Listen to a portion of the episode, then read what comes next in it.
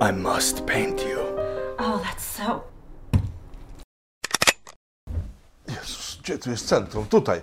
Centrum Uwagi. Dzień dobry, witam Państwa w Centrum Uwagi w, w przeglądzie cotygodniowych wiadomości. E, zaczniemy od wiadomości bardzo dobrej, to mi się bardzo podoba osobiście, bo patrzę na nią codziennie praktycznie z zapancernych szyb mojego samochodu. E, paliwo tanieje. Orlen obniża ciągle ceny. Ja bardzo lubię, jak Orlen obniża ceny, bo to znaczy, że są wybory. Jak są wybory, zawsze obniżają ceny. W związku z tym cieszą mnie bardzo każde kolejne wybory, bo wtedy ceny spadają. Jeszcze niedawno płaciłem blisko 8 zł za litr ropy. W tej chwili jest nieca, czy 6, zaraz spadnie poniżej 6.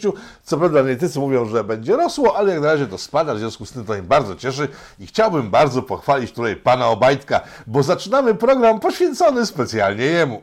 A, W związku z tym, że Orlen e, się skonsolidował z Lotosem, to jest już taka jedna wielka teraz rodzina e, ropopochodna. Co prawda Orlen mówi, że z benzyny, z którą my władujemy w nasze samochody, ma tylko 1% zysków, resztę ma skądinąd zysków. To jest ropa nie sprzedawana z samochodów prywatnych, e, więc mam taki apel na początek, że może w związku z tym, że tylko 1% e, Orlen zarabia na mnie, na pani, na panu oraz na tym małym dziecku, które jeszcze nie jeździ samo, ale jest wożone do różnych miejsc, w związku z tym też korzysta z tego, że e, Orlen na nim zarabia, że może w takim razie, bo obniży całkiem do zera sumy, w związku z tym, że jest tylko 1%, e, wy nie ucierpicie za bardzo w Orlenie, w sensie panie Obajtku, a będziemy bardzo szczęśliwi, że mamy najtańszą, w sensie za darmo, darmową, rzeczywiście darmową e, benzynę w Europie. E, taki postulat na początek, bo dalej już nie będzie tak miło. Otóż Orlen w związku z tym, że się skonsolidował, jest największy w Polsce. Na razie na świecie bardzo by chciał być, ale w Polsce jest największy. E, Ma ekspansję do Niemiec, jest trochę na Czechach, Czechach, na Czechach, na Węgrzech. Generalnie na jest w różnych miejscach. E, W związku z tym zaczyna się rozbudowywać e, pan Orlen. No i pan Obajtek zaczyna stawiać coś, co się nazywa Olefin 3. Nie wiecie co to jest? Olefin 3 to jest taka duża rafineria stawiana nieopodal Płocka, która ma spowodować, że Orlen będzie jeszcze potężniejszy niż jest w tej chwili, czyli bardzo jeszcze bardziej potężny, potężny Orlen będzie niż w tej chwili jest potężny. No i ta rafineria, to jest taka przetwórstwo, rafineria, e, tam będą robili różne rzeczy związane z benzyną, z ropą, z ołowiem, nie, nie ma już benzyny ołowiowej, e, ma powstać nieopodal Płocka i tutaj zaczynają się delikatne schody. Gdyż uwaga, do powstania tego obiektu, tego trzeciego, Olifena, Olefina, przepraszam, Olefin, Olefin. Ja mam kłopot to z nazwami własnymi, wiecie o tym, ale to nie o moich kłopotach, tylko o kłopotach Orlenu dzisiaj rozmawiamy, bo Olefin 3, żeby powstać, musi zatrudnić dużo, dużo, dużo ludzi. E, docelowo ponad 10 tysięcy. W tej chwili zaraz zatrudnił ich niecały tysiąc. W wakacje ma być ich parę tysięcy tych pracowników. No i docelowo w przyszłym roku, gdzie będzie szczyt zatrudnienia, być ponad 10 tysięcy i to chyba bardzo dobrze, tak? Bo 10 tysięcy Polek i Polaków dostanie robotę przy budowie obiektu narodowego naszego, który dostarczy naszemu narodowi mnóstwo pieniędzy, prostu tyle, że po prostu będziemy tonęli w tych pieniądzach. E, I tu jednak nie jest dobrze, gdyż uwaga, Orlen nie zamierza i nie zatrudnia przy budowie tego właśnie obiektu żadnego cholernego Polaka. Zatrudnia za to ludzi z całego świata, głównie z Azji, gdyż e, zatrudnieniem w Orlenie, w narodowej polskiej spółce zajął się, uwaga, Hyundai, tak, ta firma, która produkuje różne dziwne rzeczy, począwszy od samochodów, które kiedyś były koszmarnie brzydkie, teraz są mniej brzydkie, ale jednak są ciągle koreańskie samochody. Wiem, część z Państwa nim jeździ, one są dość dobre już w tej chwili. Jak jeździłem 20 lat temu pierwszymi Hyundaiami, które były w Polsce, to to były szroty straszne. W tej chwili to są nowoczesne samochody, ale Hyundai nie samochodowy, nie automobil, zatrudnia pracowników w Polsce, tylko taki Hyundai Engineering zatrudniający ludzi do różnych budów na całym świecie. No i powstaje pytanie, dlaczego e, Orlen, narodowa firma, zatrudnia Azjatów z Malezji, z Indii, e, z republik postsowieckich i tak dalej, i tak dalej, i tak dalej. Dlaczego stamtąd zatrudnia ludzi, a nie Polaków? Odpowiedź, którą udzielono miejscowym mediom, w sensie lokalnym mediom polskim, jest bardzo prosta. Otóż zastawki, które oferuje Orlen przy budowie narodowego, dumnego giganta, e, żaden Polak nie chce pracować, to jest jedno. Drugie, ponoć żadna z polskich firm, w co wierzę, nie ma 10 tysięcy wykwalifikowanych pracowników, którzy mogli postawić e, takie ogromne urządzenie przetwórczo-ropne, E, nie potrafią tego Polacy, nie mają tylu ludzi w Polsce. Polacy, e, co jest całkiem prawdopodobne, przecież jak my budujemy u siebie drogi, albo cokolwiek budujemy, zatrudniamy zawsze jakieś firmy zachodnie, tak, które jako podwykonawców biorą Polaków, ale Polacy jako tacy nic nie potrafią, w związku z tym musimy zatrudniać firmy zachodnie, co jest taką ciekawostką dla mnie, od kiedy słyszę o wojnie na Ukrainie, że będziemy budować Ukrainę. Czym? Skoro my nie możemy budować sami sobie Polski, czego przykładem jest bardzo e, dobrym właśnie Ole Fintrzy, e, który w tej chwili powstaje. E, to jednak nie koniec tematu, bo to, że nie zatrudniają Polaków, bo Polacy są zbyt e, mało inteligentni, żeby robić takie rzeczy, jak tam właśnie są robione nieopodal Płocka, to jedno, a drugie to sumy, które przyjdą Wam podałem, sumy ludzkie. Otóż, tak jak powiedziałem, na początek jest ich niecałe 600 osób w tej chwili, tych różnych Azjatów. Ma być parę tysięcy w przyszłym roku, do 10, nie, jeszcze w tym roku w wakacji ma być parę tysięcy, docelowo do przyszłego roku ma być 10 tysięcy i to wszystko się dzieje w Płocku, którym no, ma tak no, 100 parę tysięcy mieszkańców.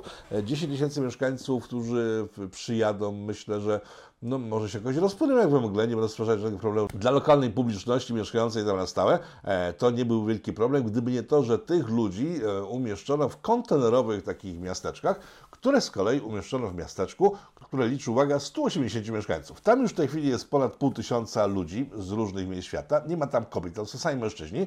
E, nie trudno sobie wyobrazić, co zacznie się tam za chwilę dziać, kiedy ci mężczyźni po robocie będą się trochę pobujać, tak? W przód, w tył, będą chcieli się rozerwać jakoś i te 600 osób wyjdzie, później parę tysięcy wyjdzie, a później 10 tysięcy wyjdzie w miejscowości, w której jest 180 osób, e, żeby się troszeczkę zabawić. Miejscowe władze uspokajają, że na razie jest bardzo spokojnie i dobrze, nie ma czym się przejmować za bardzo. E, myślę, że policja miejscowa, która mówi w tej chwili, że nie ma się czym przejmować, e, także nie widzi problemu, bo nie ma tego problemu jak na razie. Być może ci ludzie, którzy przyjeżdżają z dalekiej Azji, są wyjątkowo kulturalni akurat i miejscowi mieszkańcy nie muszą mieć e, żadnych problemów na miejscu i pewnie tak będzie. Tyle, że znów nie w tym rzecz. Być może nie dojdzie tam do żadnych rozrób zadym, tylko że jak tak się patrzy matematycznie czysto, to 200 osób kontra 10 tysięcy osób, to myślę, że to może spowodować różnego rodzaju konflikty e, i myślę, że Orlen mógłby o tym pomyśleć w chwili, kiedy zatrudniał tych ludzi, planował budowę i być może jednak udało mu się zdobyć w Polsce ludzi, którzy by mogli zarobić przy tym, a nie, przypominam, że Orlen płaci takie stawki, że Polacy tam nie chcą pracować. No dobra, to idźmy sobie dalej z tematem ludzi, którzy tutaj przyjeżdżają, bo ta sytuacja nie dotyczy tylko Orlenu.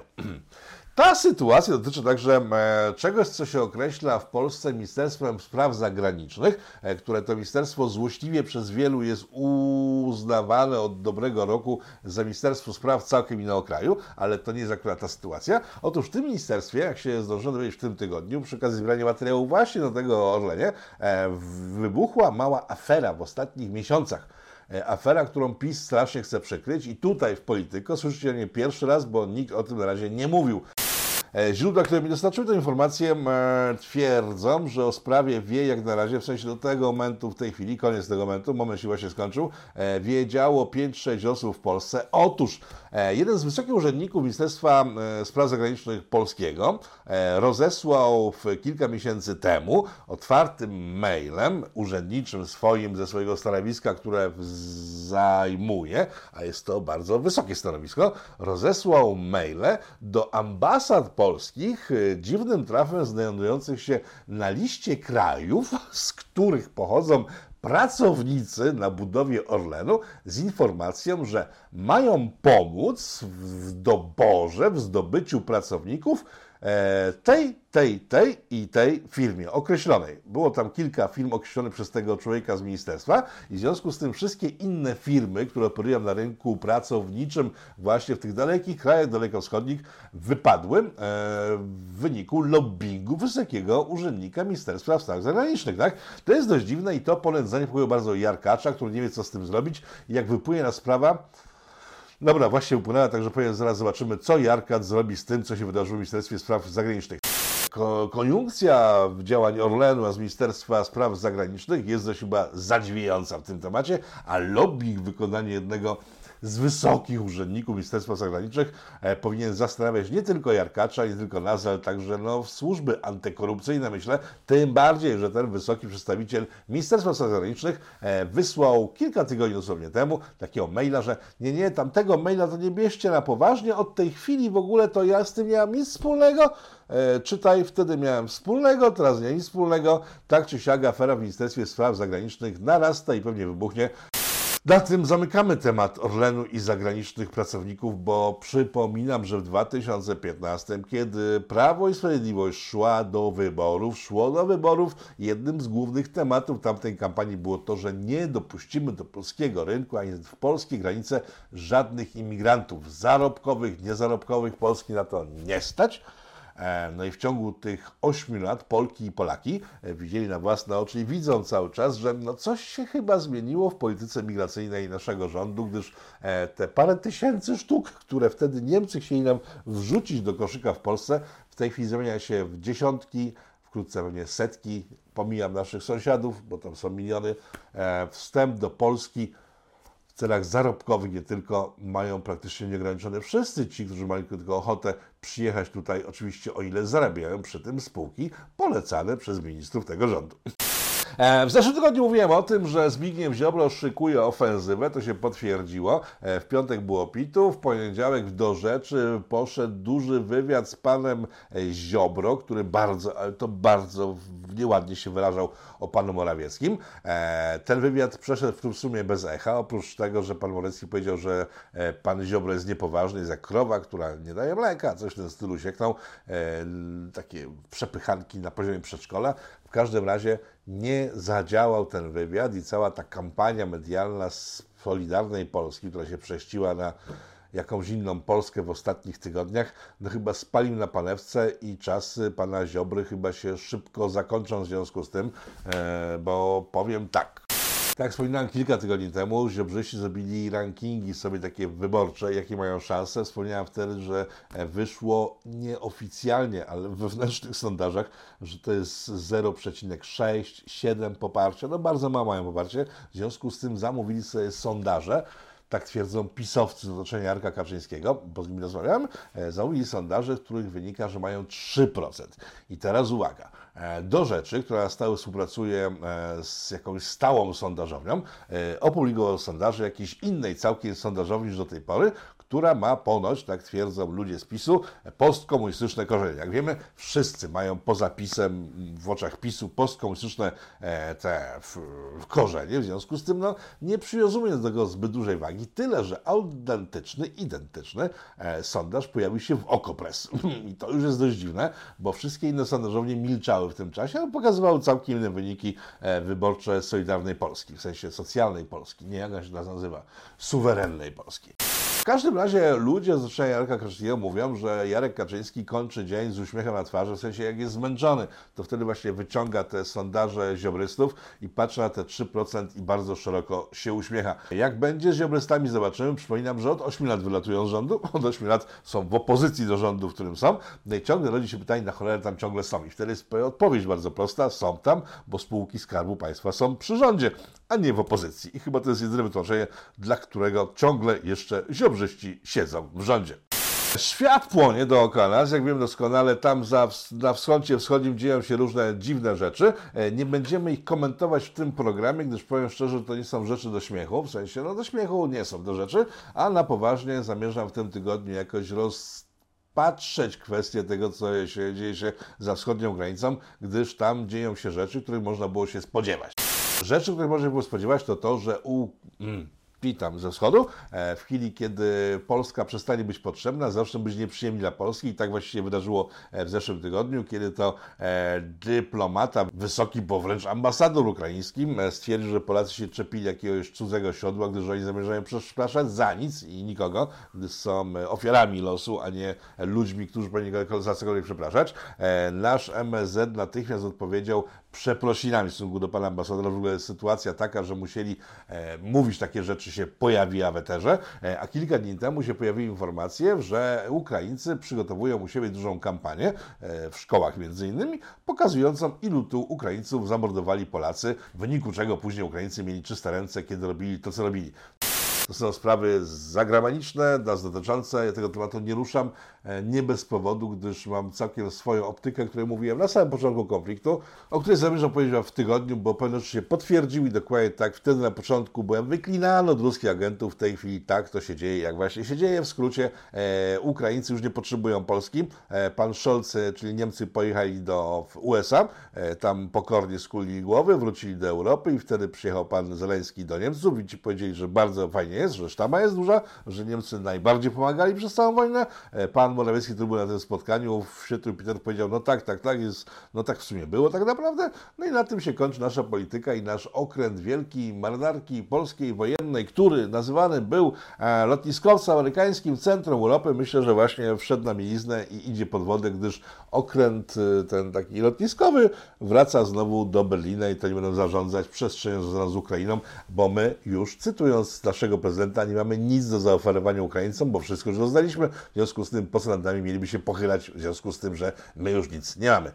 Kończymy temat Ukrainy. Tam jeszcze można dorzucić, że w ostatnim czasie Ukraińcy stracili jakieś ważne miasto. E, I jak tylko stracili to miasto, nagle jakieś oddziały rosyjskie zaatakowały Rosję e, z terenów ukraińskich i to miało chyba przykryć całą sytuację związaną z tą dużą klęską, którą ponieśli Ukraińcy. Do dziś nie wiadomo, co się wydarzyło za bardzo tam za tą granicą rosyjską, oprócz tego, że był ogromny sukces, ale chyba nikt nie wrócił z tej wycieczki za granicę rosyjską, w związku z tym znowu nic nie wiemy i to jest sytuacja, o której mówiłem na początku konfliktu, że w chwili, kiedy wyłączymy, a wyłączono w Polsce rosyjskie media, zabroniono ich oglądać, zablokowano, nie ma ich w przestrzeni polskiej, to my nie wiemy, co się dzieje, tak? Bo mamy tylko ukraińskie media, które mają propagandę ukraińską, rosyjskie propagandy nie mamy. I nawet osoby, które potrafią czytać rosyjską propagandę, czyli w sumie wszyscy, którzy urodzili się przed 80 e, rokiem, e, też nie mogą doczytać niczego w rosyjskiej propagandzie, bo dostępu do niej po prostu nie mają temat ukraiński zamykamy w tym odcinku, przechodzimy do dalszych, bo tam się dopiero dzieje na świecie, szerzej o wiele bardziej i jest gorąco na świecie, w związku z tym, że dzieją się rzeczy związane z Chinami. Chiny w tym tygodniu zrobiły kilka rzeczy, które mogą no, zadziwiać niektórych ekspertów, a tych najlepszych ekspertów zadziwiać jeszcze bardziej. E, no więc Chiny nagle ni z gruchy, ni z pietruchy zrobiły coś takiego. Amerykanie najpierw rozpuścili pana Saksa, to jest taki przyjaciel pana Sorosza, wtedy był, e, wypuścili pana Saksa do Europy Wschodniej i ten pan Saks sobie jeździł, tak, był doradcą rządu jugosłowiańskiego, czeskiego, rosyjskiego, polskiego i tak się przejechał po tych wszystkich rządach e, i kiedy już skończył swoją misję, to te rządy, które przyjęły plan Saksa i pana Sorosza, to miały bardzo dobrze były kapitalizm, a te, które nie chciały tego planu, to tam wybuchły wojny, takie na przykład w Jugosławii, tak? albo e, Czechosłowacja, która się nagle rozpadła, tak? i z kraju takiego niedużego, ale jednak silnego, zrobiły się dwa kraje o wiele słabsze. E, to był wynik działań pana Saksa. Wynikało to z tego, że w chwili, kiedy on zakończył swoją misję, Amerykanie wdrożyli taki dokument, e, w którym było napisane czarno na białym, że wszystkie kraje demokratyczne to te, które ten plan właśnie przyjęły, a te, które go nie przyjęły, są kraje terrorystyczne i zrobiły to, co Chiny w tym tygodniu. Chiny w tym tygodniu natychmiast zażądały zwrotu wszystkich pożyczek od krajów afrykańskich. Wszystkie pieniądze, które wpompowali w pożyczki w tych krajach w tym tygodniu Chińczycy powiedzieli, że e, zwrot, należy się zwrotka i oni szukają, że pieniądze wrócą. W związku z tym te kraje są, no myślę, że troszkę postawione pod ścianą e, i mogą nam się dziać dziwne rzeczy. E, może być tak, że te kraje się postawią i wtedy zbankrutują, albo jeszcze głębiej wejdą e, między żółte pośladki i będzie całkiem nieźle z tymi krajami, tak jak w Europie Wschodniej było całkiem nieźle e, po tym, jak przyjęliśmy plan Saksa. No nie był to może najlepszy plan dla Polski, ale był to jednak plan, który zagwarantował, że nikt nas nie napadł, nie zbombardował, nie zapłacił jednym z, na, za napaść na drugich, w sensie na przykład Ślązakom na Krakowiaków, aż by się przydało jednym i drugim, w sensie jednym bardziej niż drugim, bo Ślązacy są bardzo w porządku. Tego nie było. I Chiny właśnie w tej chwili robią to w Afryce. To jest jedna z wiadomości dotyczących Chin. Druga wiadomość, która jest o wiele bardziej ciekawa, bo tam to jest ciekawe gospodarczo, a ta druga jest ciekawa politycznie. E, Chiny w tym tygodniu powiedziały wprost do Izraela, że nie podoba mi się bardzo zachowanie na terenach okupowanej Palestyny w wykonaniu Izraela i Chiny oczekują, że zakończą się czystki etniczne na terenie okupowanej Palestyny w wykonaniu Izraela oraz polityka w stosunku do Palestyńczyków na terenie okupowanej Palestyny e, zmieni się na tyle, żeby Izraelczycy przestali e, kraść ziemię, burzyć domy, mordować ludzi itd., itd., itd. Pamiętając, pod czyim protektoratem jest Izrael i dzięki komu Izrael w sumie funkcjonuje tak naprawdę, bo inaczej by zniknął z mapy już dawno, czyli Amerykanie są tym protektoratem, który otacza Izrael, e, no ewidentnie jest to strzał w kierunku Ameryki, a przy okazji w kierunku opinii publicznej światowej, która o dziwo dla wielu osób nie lubi Izraela, w większości, tak? Polska była takim jednym z nielicznych krajów, który lubił Izrael i bardzo się starał, żeby Izrael go też polubił. Izrael zawsze mówił tym, którzy go lubią w Polsce, żeby tam się gdzieś oddalili w ogóle, mówiąc delikatnie po dyplomatycznemu. E, u nas jednak wszyscy strasznie kochali Izrael. Dopiero ustawa o IPN-ie, którą próbowano wprowadzić jedynie w Polsce, pokazała obywatelom naszych wsi, miasteczek, sił oraz różnych innych zakątków, w których Polacy mieszkają, jak silna jest antypolska propaganda propaganda izraelska, no i temat antysemityzmu, jaki takiego upadł w Polsce, no bo nikogo chyba dzisiaj nie można przestraszyć tekstem, że jest antysemitą, e, więc Polska chyba też e, wkroczyła w sensie do Ligi Krajów, czyli w sumie większości krajów na świecie, które Izrael nie lubią. I polityka chińska je pada na bardzo podatny grunt, bo pomijając Europę, która oczywiście będzie mówiła tak, nie, nie, antysemityzm jest zły, nie, zły, wykańczaliśmy naszych Żydów po prostu jak robaki i wysyłaliśmy gdzieś tam do gazu, my, Francuzi, Holendrzy, e, Belgowie, e, Norwegowie, nawet Anglikom się zdarzyło, no nie mówiąc o Niemcach, ale to, to bardzo złe jest, to cały świat na takie hasło rzucone przez Chińczyków zareaguje, myślę, wkrótce bardzo ciepło. Zresztą przeszło bez echa to kompletnego negatywnego we wszystkich krajach poza Europą. W Europie to zostało to przemilczane, więc ekspansja chińska, gospodarcza doszła do momentu, w którym po prostu już mówią sprawdzam, e, a ekspansja polityczna, no mm, Powiem tak, Izrael poza tym, że jest pod protektoratem amerykańskim, jest także krajem, na które ostrzą sobie zęby ludzie zajmujący się ropą na Bliskim Wschodzie. W związku z tym może być całkiem ciekawie. Na razie to są tylko takie pomrukiwania wielkiego smoka, ale co będzie dalej, zobaczymy się wkrótce i to jest myślę, że bardzo arcyciekawa sytuacja.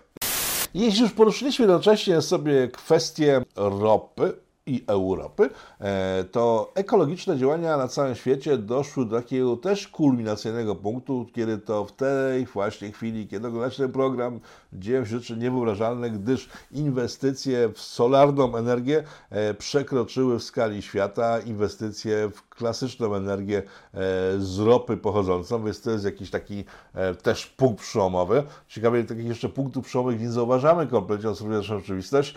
Zobaczymy, pocieszmy się jednym, że wspomnę na koniec tego programu krótkiego, gdyż te takie dwie duże bomby z przodu zajęły dużo czasu, a tak naprawdę poza tym nic się nie dzieje, bo jest sezon ogórkowy. Na koniec informacja, którą przecież pewnie większość z Was, że można będzie przetrwać ten czas w historii naszego kontynentu e, w sposób nienaruszony, gdyż uwaga, naukowcy zaczynają testować i co są jakieś pierwsze mini sukcesy, hibernację na gatunkach, które nie hibernują. Na niedźwiedziach tego nie testują, ale testują parę innych gatunków i zaczyna wyglądać na to, że można jednak zahibernować taki gatunek, który się nie hibernuje. W związku z tym, ja wiem, że to na początku będzie tylko dla bardzo ludzi bogatych, tak?